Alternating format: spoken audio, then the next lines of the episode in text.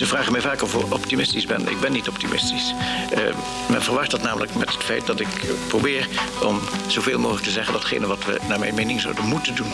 En dat zijn dan vaak dus betrekkelijk ambitieuze zaken. Uh, dat wil niet zeggen dat ik geloof dat het ook zal gebeuren. Maar ik geloof dat het weinig productief is om dat laatste te zeggen. Uh, dat, dat lost niets op. terwijl misschien als je beklemtoont wat moet gebeuren, dat je dan helpt om een oplossing tot stand te brengen.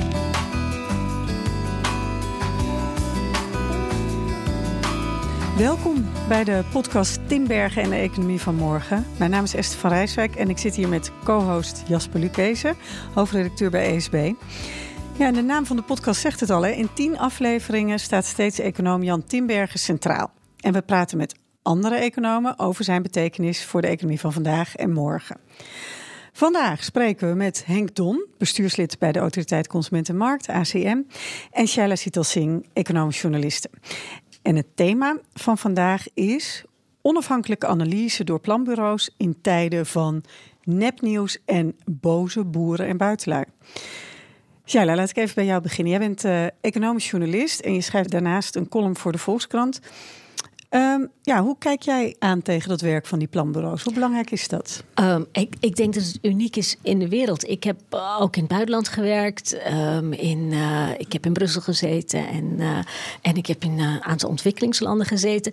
En um, gewoon het hele idee dat er zo planmatig wordt uh, gewerkt, dat er aan de economische analyse ten grondslag ligt aan beleid, dat is um, al zo een um, uniek, uniek. Als je in de rest van de wereld gaat kijken, dat gebeurt op niet zo heel veel plekken op deze gedegen en grondige manier en zo geïnstitutionaliseerd en zo een, een onvervreemdbaar onderdeel van, van hoe beleid wordt gemaakt. Dus daar kan ik nog steeds echt uh, mijn ogen over uitkijken. Ja. Uh, Henk Don, de, is dat zo een heel uniek Nederlands systeem? Ja, dat mag je wel zeggen, denk ik. En uh, veel andere landen kijken daar ook met enige jaloezie naar. Het is ook wel wat export geprobeerd te plegen. Maar ja, het moet ook weer passen in de instituties en de historie van een land en in de cultuur. En in de Nederlandse cultuur van ja, toch met elkaar polderen, zoals het heet. Het gaat heel ver terug in de geschiedenis. Past dit denk ik heel goed. En Tinberg heeft er zeker veel aan gedaan om dat hier ook in, in functie, in, in, in, werking te krijgen. Ja, we gaan zo meteen dieper in op die historie ook. Van, maar even naar dat andere deel van het thema van vandaag. Die boosboeren en buitenlui of nepnieuws. Het zijn toch tijden van ja, omschrijf het maar. Ja, het wantrouwen van instituties of überhaupt het wantrouwen van experts. Dat is, het, je hebt natuurlijk altijd een onderstroom gehad in de samenleving die, die niet vertrouwt wat, wat, wat die lui van bovenop allemaal vertellen. Um, tegelijkertijd zie je nu wel dat dat genormaliseerd wordt. Als de Amerikaanse president zegt je moet experts niet geloven, hè, of, als, uh, of als er een, een, een, brexit wordt opgetuigd. Ja, dan zegt de president dat. Ja, en, en dan, daarmee en dan is het normaal. Het, ja, precies. Ja, het wordt ook gelegitimeerd. Henk, waar, waar denk jij aan? Waar zien we allemaal dit wantrouwen jegens die planbureaus of andere wetenschappen? Ja, kijk, ik denk dat de tijden echt veranderd zijn sinds Tinbergen. Want uh, toen kwam er bijna niks naar buiten. Alles gebeurde er achter de schermen. Uh, en dat past niet meer in deze tijd. En dat past al heel lang niet meer in deze tijd. Het planbureau is pas, pas in de loop van de jaren tachtig wat opener geworden. Het heeft heel lang ook, uh, ja, dus publiceerde twee stukken per jaar eigenlijk. Het Centraal Economisch Plan en de macro-economische verkenning. En soms nog eens een occasional paper waar wat achtergrond en duiding werd gegeven van waar het allemaal vandaan kwam. Maar in de loop van de jaren tachtig is, dat, is het eigenlijk gestart met onderzoeksmemoranda, werkdocumenten. Gewoon verantwoording afleggen over wat je doet als planbureau. En dat, dat hoorde toen al en dat hoort nu nog sterker. Je moet praktisch transparant zijn in wat je doet. Ik denk dat dat een, een terechte vraag ook is. Praktisch transparant. Nou, dat, dat voor mensen die kunnen snappen wat je doet, dat ook eh, navolgbaar is. Dat je dat zoveel mogelijk materiaal vrijgeeft. Dat iedereen het kan narekenen, kan nakijken. Uh, je, je moet heel inzichtelijk maken. En het is natuurlijk niet voor iedereen toegankelijk, omdat het ook een zekere scholing vergt. Maar die mensen zijn er wel. En, als, en in alle geledingen is er vormen van wantrouwen. En dat is ook niks nieuws. We hebben in de jaren zeventig een enorme discussie gehad over het model wat toen een planbureau is ingevoerd. Ook in de wetenschap is toen een enorme discussie geweest. Maar dat lag alles wel op tafel. Want die zat hebben we, 25 jaar geleden, grofweg zo'n beetje, tussen 92 en 2006. Zeg ik het goed? Uh, ik was directeur van 94 tot 2006. Ja, dat hadden we nog niet genoemd. Je was directeur van het Centraal Planbureau. Kan jij een moment herinneren dat jullie ineens ook met burgers in discussie moesten? Of is dat later gekomen? Uh, dat is later gekomen. Uh, ik heb wel eens gedacht van wanneer uh, staan ze bij ons voor de deur. Want ook dacht... toen ik daar directeur was. Hoezo? Want, Waarom? nou, omdat er zijn wel bewegingen op Binnenhof geweest, ook over issues die soms dicht raakten aan wat wij deden. En, maar we lagen een beetje excentrisch toen. We zaten in Scheveningen. En dat, dat weet niet iedereen te vinden en zo. Dus dat maakt het misschien wat makkelijker en wat minder toegankelijk. Maar dus ik, ik heb, het is wel eens door mijn hoofd gegaan van hé, hey, dat zou hier, zou hier best op de stoep kunnen staan op Ja, enig moment. Om wat voor issue bijvoorbeeld? Om bijvoorbeeld analyse van verkiezingsprogramma's waar uh, verschillende opinies over bestaan. Om uh, ja. Uh, maar, hoe boe, maar hoe boeiend is dat dan? Dan zegt zo iemand, ja, het is natuurlijk het schrikken, denk ik. Maar hoe boeiend is dat dan als iemand zegt, ja, ik, die analyse klopt niet. Nou ja, zeg je, dan kijk ik er even opnieuw naar de cijfers. Ja, nee, je kan dat debat aangaan natuurlijk. En dat is ook goed. En, en het vragen van transparantie en toelichting is prima. Het wordt natuurlijk wel wat ongemakkelijk als er honderd tractoren voor, het, uh, voor, voor de Ja, deur staan. Die, uh, waar je tegenover je verantwoording moet afleggen. Tegelijkertijd was dat wel de vraag, begreep ik. De directeur van het RIVM heeft ook uh, ze te woord gestaan en uitgelegd hoe ze de zaken doen. En ik denk dat het goed is dat daar inderdaad ook helderheid gegeven wordt. En dat alles wat niet bedrijfsvertrouwelijke basis heeft, ook beschikbaar gemaakt wordt. Je zegt eigenlijk in ons systeem zit al heel lang dat we de discussie aan moeten gaan met allerlei partijen. Hè? Met de wetenschap soms, met uh, beleidsmakers, met politici. Maar die burgers, die boze groepen, dat, dat is wel een beetje nieuw.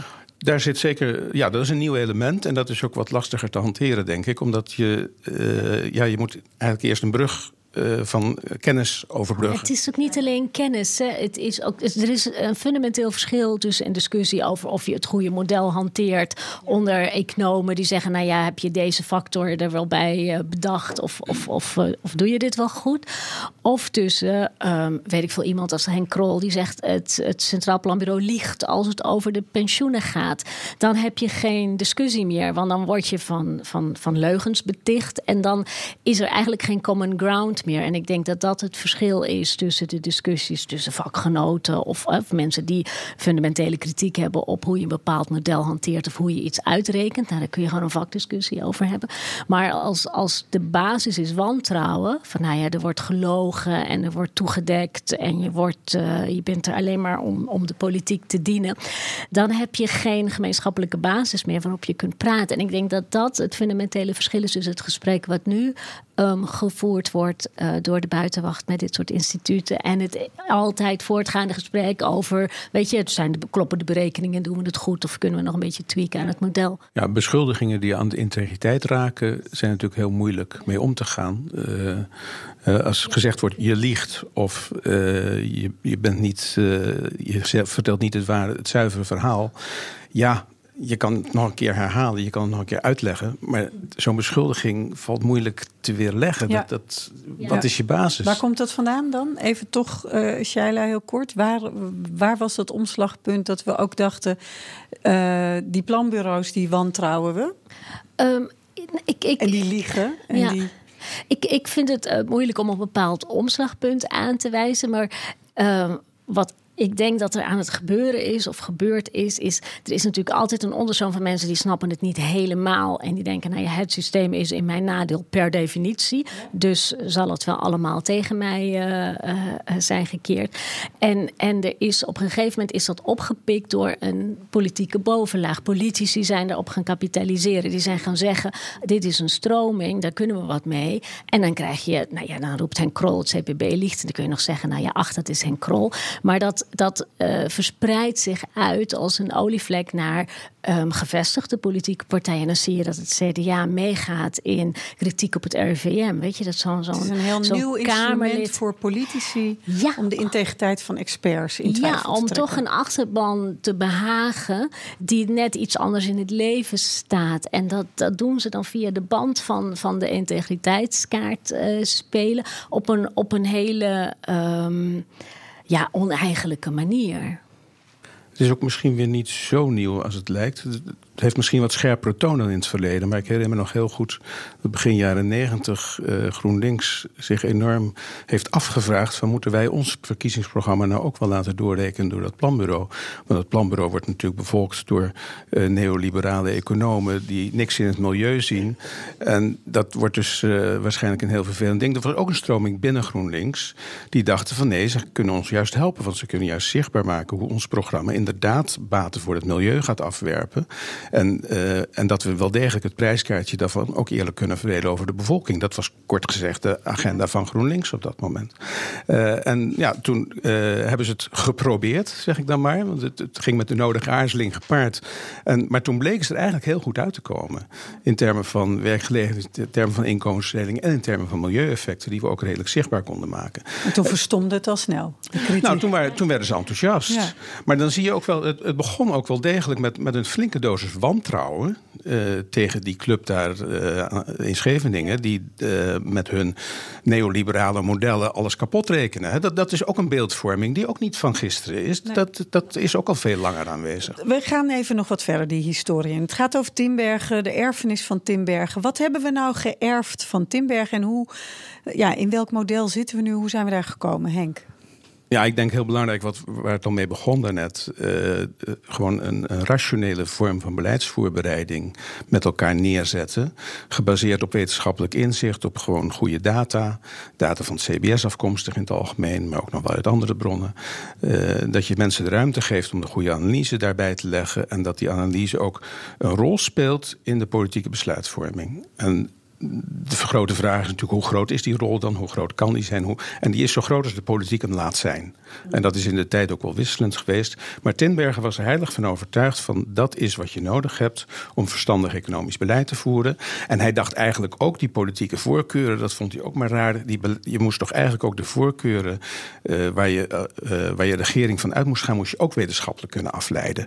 Nou, dat is hem nooit gelukt. Of omdat... verantwoorden in elk geval. ja, nou ook, nee, ja. hij, hij dacht echt, het planbureau moet eigenlijk ook gewoon kunnen zeggen van nou dit moet je willen. Zo, zo maak je de welvaartsfunctie van de Nederlandse bevolking maximaal. En dan is dat het beste beleid wat je kan bedenken. Maar dus wel dit moet je willen. Dat, is een dat, dat was zijn ambitie. Ja, hij dacht dat dat kon. Ik geloof niet dat dat de kan. politiek eruit kunt dat, halen. Dat, ja, ja, inderdaad. Hij, hij, dacht, het is toch dus eigenlijk een soort technocraat, zoals je, zou, je, zou je het misschien kunnen noemen.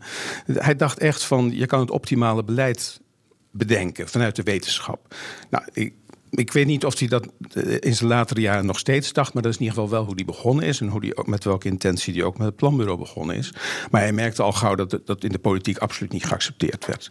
Uh, hij mocht al blij zijn als zijn analyses, als daarnaar geluisterd werd en als er discussie die gevoerd werd langs lijnen die hij trok op basis van data en, en ja, gewoon een gedegen wetenschappelijk onderzoek. maar de, de politieke voorkeuren, daar kwam hij echt niet uh, aan de bak. Uh, want dan was gewoon het primaat van de politiek, zijn we dat later gaan noemen. Politici nemen ook hun gewicht en hun rol. Ze wouden wel luisteren naar wat hij in te brengen had in termen van uh, hoe dingen met elkaar samenhangen en waar je aan moet denken als je bepaalde besluiten neemt. Maar het waren wel hun besluiten en zijn adviezen. Hij heeft heel wat adviezen gegeven over hoe het beleid eruit zou moeten zien in de jaren, tweede helft jaren 40, begin jaren 50. maar die zijn vrijwel allemaal terzijde geschoven. Ja. Maar, wat, maar de, wat dus wel de winst was, is die, die kennis over hoe de wereld werkt. En dat alles wat je wil vaak ook weer een prijskaartje heeft, wat nu eenmaal in de economie zo is, en wel, wat dat prijskaartje dan is, dat je daar probeert rationeel mee om te gaan en dat het een rol speelt in de politieke besluitvorming. Ik denk dat dat grote winst is waar hij enorm heeft bijgedragen om dat op de kaart te zetten. Mag, ik, mag ik dit samenvatten als het hoofddoel van Timbergen heeft hij gewoon niet behaald. En toen bleek um, achteraf dat het, uh, dat bij, het, bij de pogingen dat hoofddoel te realiseren, um, die kennis wel bij, bij beleid en in de politiek terechtgekomen is. En die, dat hij daar wel een manier voor gevonden heeft. Ja, het was ook wel en-en. Uh, hij had nog een achterliggend doel, zou je kunnen zeggen. Dat is niet gelukt, maar dat eerdere, dat vond hij ook wel heel belangrijk. En in een interview in de jaren tachtig heeft hij ook nog wel gezegd... terugkijkend vond hij eigenlijk ook dat zoals het planbureau zijn plek gevonden heeft... was hij eigenlijk wel content mee. Dat was toch een heel nuttige functie... die, die ook heel end beantwoordde aan zijn idealen.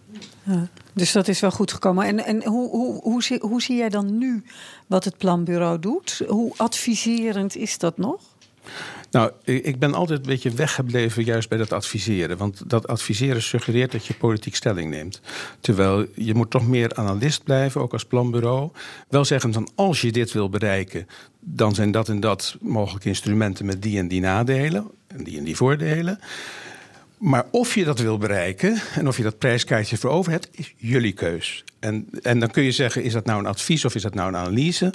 Ik blijf dan maar liever bij het woord analyse. Want als je in een adviesrol zegt, dan neem je een stukje van die politieke verantwoordelijkheid naar je toe. Zo ervaar ik tenminste die woorden. En, daarom ben ik altijd een beetje bij die ja. adviestaak En dan kan ik me ook voorstellen dat er dan meer ruimte is voor de buitenwereld om daar boos over te worden of kritiek op te hebben. Want hoe, hoe je maakt je dan veel kwetsbaarder voor uh, kritiek. En dan is het ook uh, terecht hè, dat de boeren dan bij het RVM staan. Want die zeggen, ja, die hebben dan ook een wereldbeeld wat niet het onze is. En dat willen we nou, graag. Toch even uh, nee, maar, maar wacht dan, nou even, want het RIVM is ook geen adviseur. In die zaak in ieder geval niet.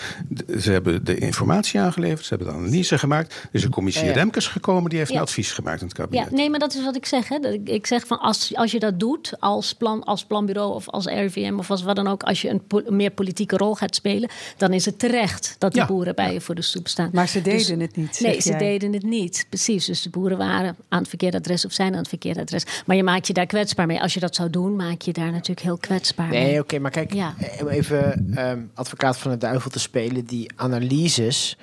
Ehm, de keuze welke analyse je maakt en welke dingen je daarbij laat zien, daarvan kun je nog steeds wel een verhaal houden dat, dat, dat je daarmee bijdraagt aan legitimatie van bepaalde politiek. Ik bedoel, als je bijvoorbeeld besluit om verdelingseffecten niet te laten zien, dat kan. Um, maar daar zijn ze bepaalde helemaal mensen niet blij mee zijn. is het niet. Nee, dat is ook niet helemaal waardevrij te doen. Dus het is, het is denk ik een belangrijk onderscheid. Maar ben je er daarmee? Ja, nee, het is, je, je kan per definitie natuurlijk niet waardevrij uh, zijn. Kijk, deels doe je natuurlijk dingen op verzoek. Hè. Als je zo'n verkiezingsprogramma, nee, dat, dat, is, dat is een gegeven. Um, hoe, je dat, hoe je dat doorrekent. Um, je krijgt vanuit de politiek ook vragen. Um, dus het is, het is natuurlijk is het nooit helemaal waardevrij. Um, maar dat kan ook niet. Um, je, je hebt, je, je, je, je hebt misschien je hebt een soort van consensus van, uh, van wat je wel en niet wil uitrekenen. Je wil verdelingseffecten, wil je weten. Koopkrachtplaatjes is een enorme uh, fascinatie mee. Maar, maar waarom staan die boeren dan bij het RIVM en waarom uh, staan ze niet bij de commissie Remkes of staan ze niet, uh, of in, in, in, mindere mate valt het minder op dat ze in Den Haag staan? Ze staan denk ik bij het RIVM omdat het een gebouw is. De commissie Remkes heeft geen gebouw. uh, ja, zo simpel is het natuurlijk soms ook. Dat, ja. ja. het is natuurlijk ze ook gaan nu ook naar Schiphol plek. en naar Tata. Ja, je zoekt ja, okay, natuurlijk maar misschien ook, wel omdat symbolen. ze zich realiseren dat als het RIVM die berekeningen aanpast dat ze ook geen probleem meer hebben. Nou ja, de ja. vraag die hieronder ligt is: is er een situatie? Denk, we, we, ik weet niet, de vraag: kun, zouden de boeren ook een punt kunnen hebben? Kun je je voorstellen dat er soms uh, toch situaties zijn waarin die experts of planbureaus, wat dan ook, ja, toch ook fouten maken? Of toch, zonder dat ze het misschien doorhebben, te veel in een waardemodel zitten?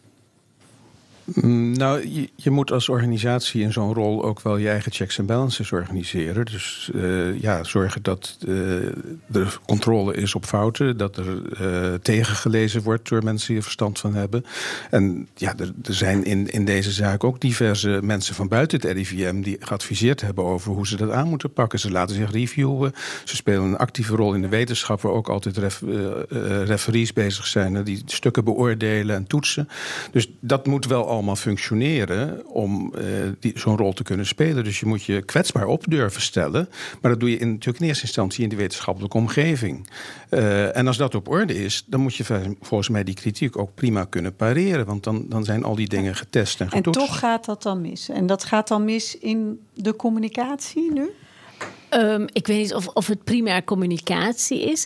Ik denk dat het um, uh, komt um, ook doordat het dus door autoriteiten wordt gelegitimeerd. Doordat er dus bijvoorbeeld zo'n Kamerlid is die zegt: Nou ja, maar inderdaad. Ik vraag me ook wel ik, af hoe dat eigenlijk ik, zit. Ik, ik, heb ook wel vragen bij die berekeningen. Nou ja, op dat moment voel je je natuurlijk enorm gesterkt. Je zegt: Nou, die, daar zit een meneer in de Tweede Kamer en die is van het CDA. Nou, die zal het dan wel weten. Als die zegt dat het niet klopt, zie je, hij zegt het ook. Dus het wordt ook uh, het wordt versterkt daardoor. Um, hè, als, als, als, als leidende figuren of mensen met een voorbeeldfunctie dat gaan, um, ehm, eh, versterken of gaan, gaan, gaan beamen, of, of in elk geval niet gaan tegenspreken, nou ja, dan creëer je natuurlijk enorm groot uh, gebied. Laten we dan even. ja, protest. Dus he, jouw analyse is heel duidelijk. Als politici het gaan legitimeren, ja, dan wordt het wel heel makkelijk. Dan, Ja. dan, eh, wat, wat, wat is er nou nog meer? Waar, waar moet je nog meer naar kijken, Henk? Als je wil analyseren van wat gaat er mis en hoe moet je dat dan oplossen? Is het nu moeilijker, bijvoorbeeld, denk je, voor een planbureau? Eh, zeker moeilijker dan in de tijd van Tinbergen. Ja, en ook misschien wel dan in jouw tijd heb je net al geschetst. Maar Ja, dat, dat, er, zijn, er zit ook wel een golfbeweging in. Er zijn eh, periodes waarin eh, de planbureaus of een planbureau flink onder vuur ligt. Er zijn ook periodes waarin dat minder het geval is. Eh, maar ik noemde al de jaren zeventig lagen de modellen van het planbureau wetenschappelijk enorm onder vuur. Er was veel discussie over. Eh, dat voedde ook wantrouwen natuurlijk bij groepen die daar eh, op in willen spelen. Ik zag net weer een, een nieuwe publicatie van het planbureau over de houdbaarheid van de overheidsfinanciën op langere termijn. Eens in de zoveel tijd kijken ze weer wat langer vooruit. Van als je nu met de bestaande eh, systematiek van belastingheffing en uitgaven voor de verschillende bevolkingsgroepen een, aantal jaar, een flink aantal jaren vooruit rekent, hoe loopt dat dan? Las ik vanochtend in de krant. Het woord houdbaarheid is ook wel een uiting van Calvinisme Ja. vanuit het planbureau. Is dat nou het goede woord? Ja, daar kun je ook weer een discussie over hebben. Misschien moeten we iets neutralers verzinnen, denk ik dan. Want het is, bedoeld dan. als. als nee, ja, zo zou, je het kunnen, zo zou je het kunnen ervaren. Maar het is wel nadrukkelijk eh, uitgelegd ook in termen van onder die en die en die veronderstellingen. Als je dan de analyse doet, dan komt dit eruit. En dat is, vinden wij interessante informatie waar je misschien iets mee zou willen. Maar ja, zo, hoe terughoudend wil je het formuleren? Wil je ook nog dat mensen het Nou ja, begrijpen? taal is natuurlijk ook een ding. Hoe moeilijk is dat dan? Want die communicatie, ja, wat ben je nou eigenlijk? Een, een analist communiceert anders dan iemand die adviseert. Ehm, Ja, dat, dat is dus best lastig. En het is niet voor niks dat. eh, eh, waar, toen, toen ik directeur werd, hadden we. eh, ja, toen hadden we wel iemand. Ja, de directiesecretaris was van oudsher mannetje van alles bij het Centraal Planbureau. Dus die deed woordvoering, maar dat was stelde in de jaren tachtig nog niet zoveel voor. En die was ook eh, personeelsbaas. Dat zijn nu vier of vijf of zes functies. Hè? Waarbij woordvoering, eh, ik denk twee of drie mensen zijn, fulltime.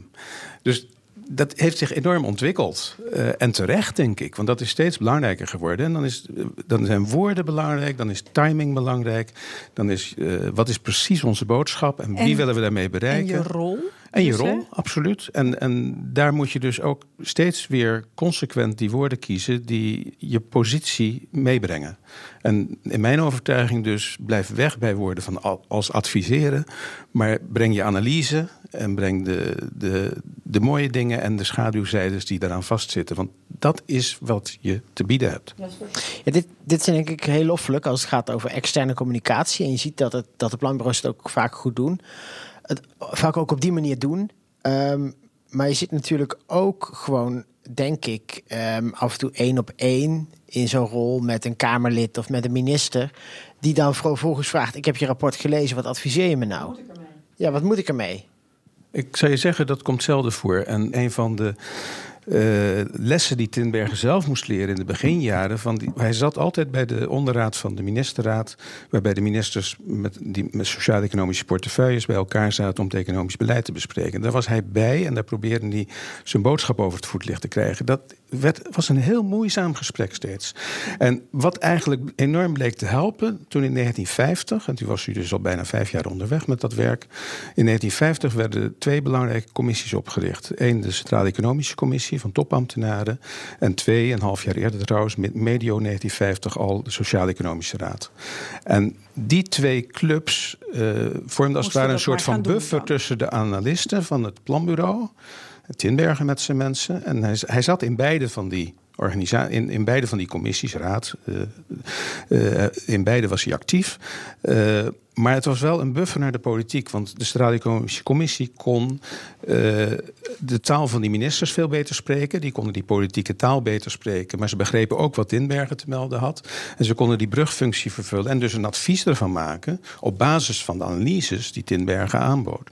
En Shaila, hoe weerbarstig is de praktijk dan? Eh, want je wil als journalist natuurlijk ook vaak weten als je zo'n rapport leest van nou, wat moet ik dan hier nu mee? En eh, lukt het de de bureaus of de experts om, om weg te blijven bij die adviesrol?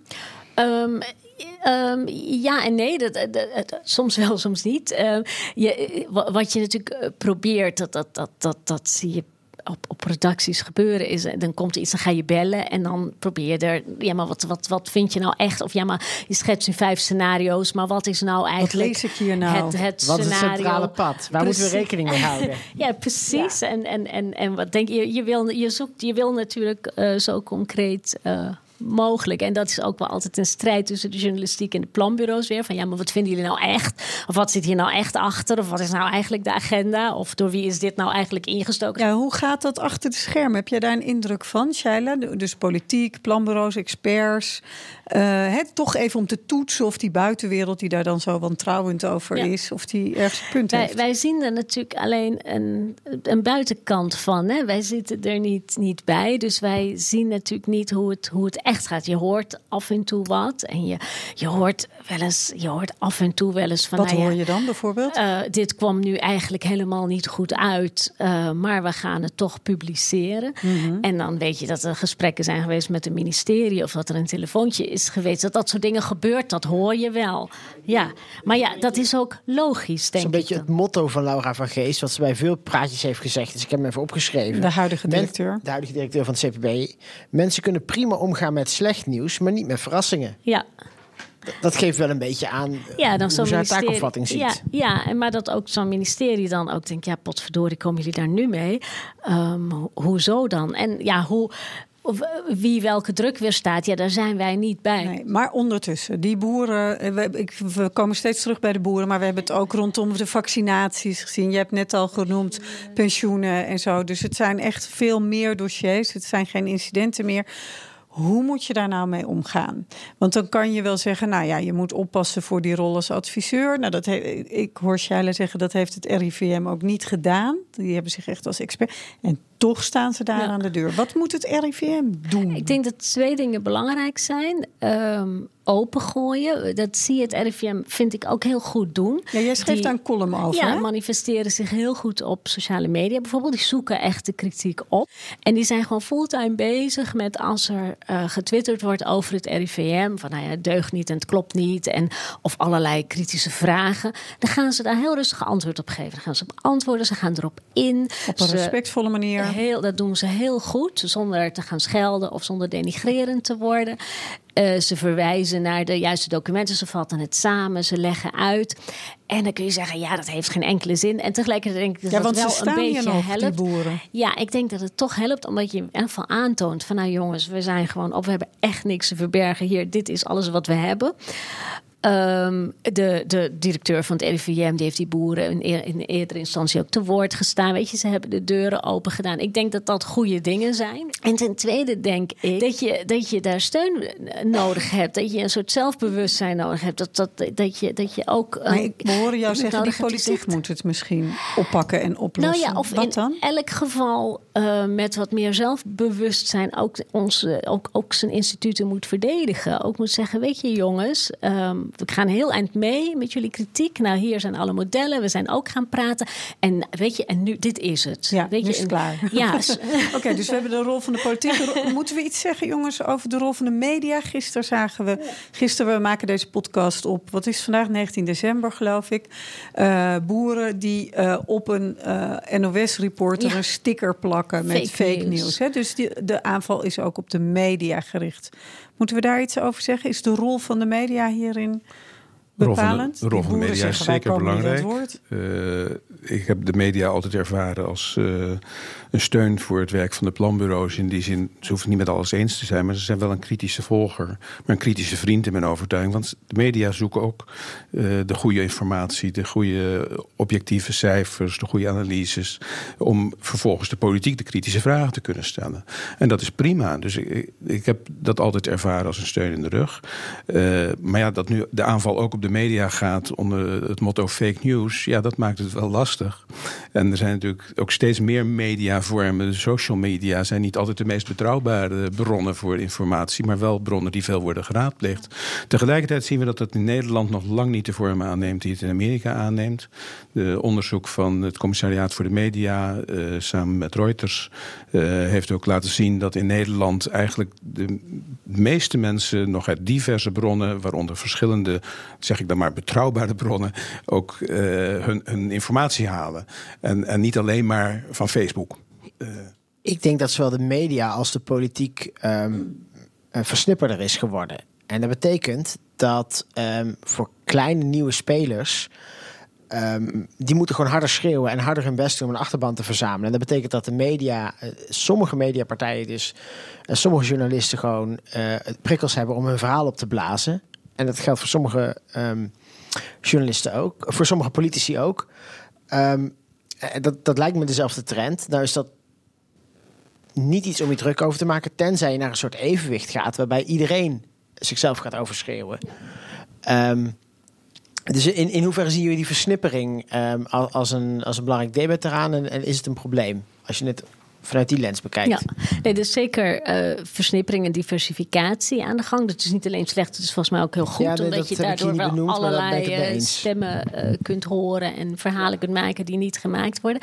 Je, je ziet bij de zeg maar, wat meer traditionele media, dus de NOS en de, en, en de grote kranten, die hebben heel lang zo in een soort spagaat gestaan van wat moeten we hier nou mee?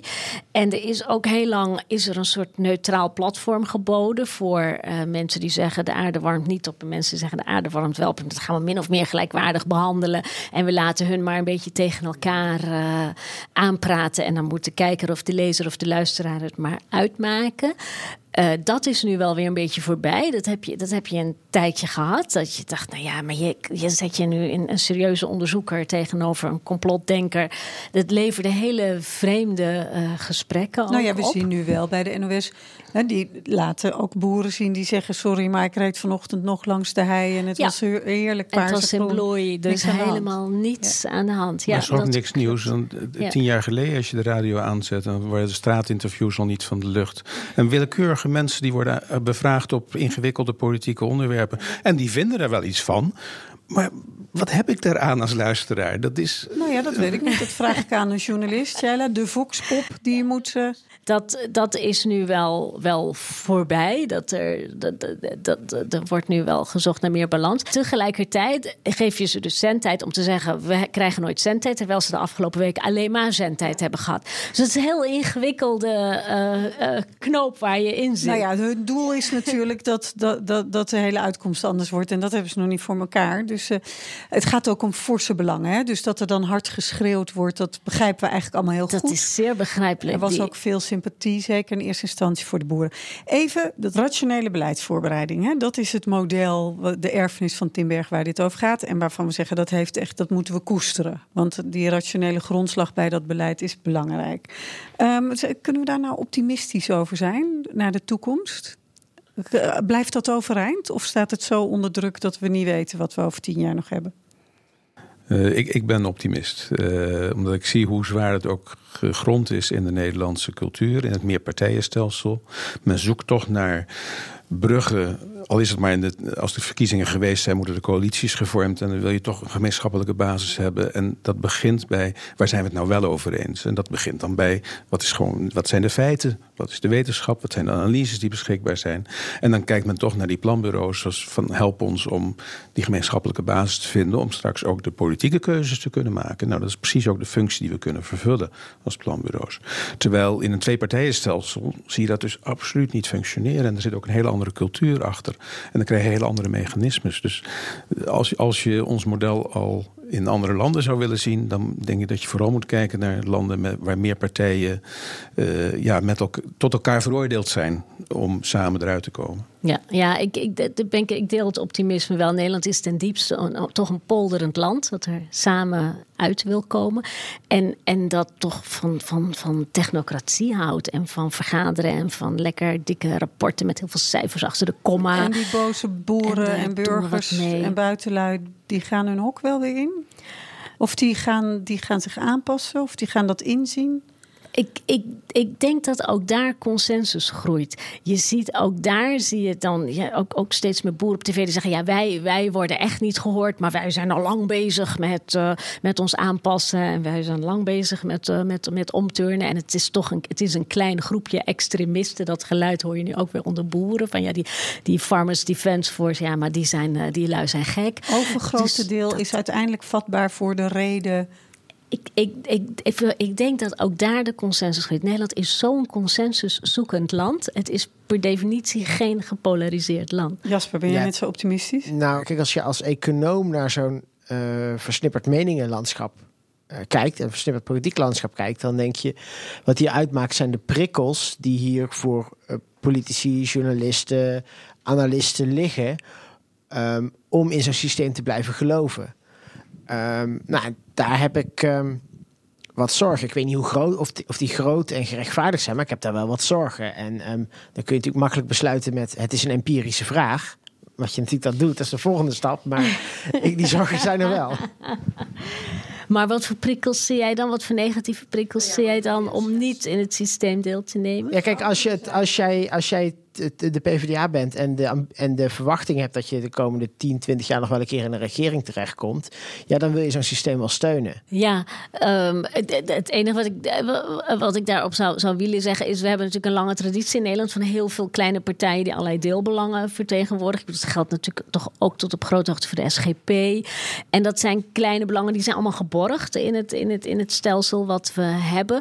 En het stelsel is ook zodanig ingericht dat er niet eentje de overhand kan krijgen. Ik bedoel, we zullen nooit een theocratie krijgen voor de SGP. We zullen nooit een dieren uh, walhalla hier krijgen. De dieren zullen nooit groot genoeg worden. Maar ze zijn wel, het zijn wel geluiden uit de samenleving die op die manier hun weg vinden naar ja, okay, Maar het gevaar is niet dat via een first past the post systeem, zoals je dat in de VS hebt, uiteindelijk een uh, stel. Um, um, mens, mensen die dit rationele manier van besluitvorming niet steunen aan de macht komen. Uh, het gevaar is veel meer dat je uh, met uh, 30 one-issue partijen eindigt.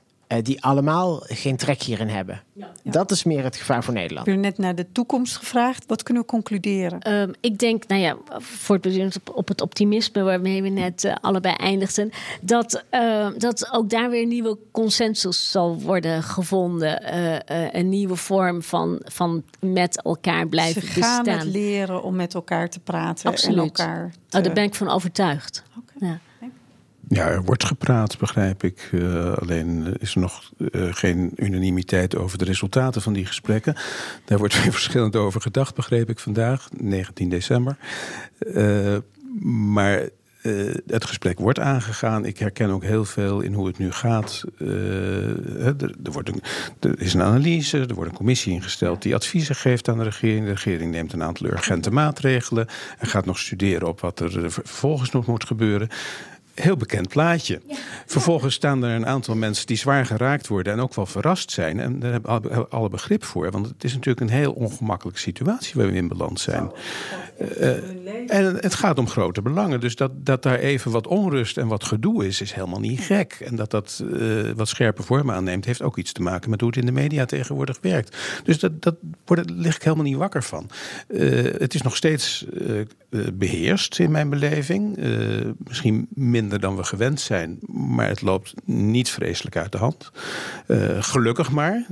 en compliment aan de boeren dat ze dat toch zo weten neer te zetten dat het niet echt uit de hand loopt. En dat waar het uh, over de schreef gaat, ze dat ook erkennen. En, en uh, ook aanbieden om het Malieveld te komen repareren, waar dat uh, geleden heeft onder de demonstraties van een paar weken geleden. Dus er is nog heel veel rationaliteit. En ik denk dat dat ook, zoals in Nederland met elkaar omgaan, nodig is om uh, het vertrouwen van het publiek te houden in wat je aan het doen bent. Ook als uh, opstandige organisatie. Uh, dus het is toch hoe we met elkaar omgaan in dit land, wat mij ook het vertrouwen geeft dat we die weg wel weer vinden. En dat is vallen en opstaan. En dat is ook niks nieuws. Dat was in de jaren 40 vallen en opstaan. Dat was in de jaren 70 vallen en opstaan. Dat is het nu weer. En soms stoten mensen hun neus. En dan moet je weer even leren hoe, hoe lossen we dit ook alweer op. Oh ja, dat is eigenlijk wel de beste manier om eruit te komen. En dan krijgt ieder zijn deel. Je probeert daar de goede balans in te vinden. En dat is politiek handwerk. Ja. Maar de rationele beleidsvoorbereiding, die erfenis van Tenbergen, hoor ik jullie duidelijk zeggen, die staat daarmee niet onder druk. Dat overleeft het wel.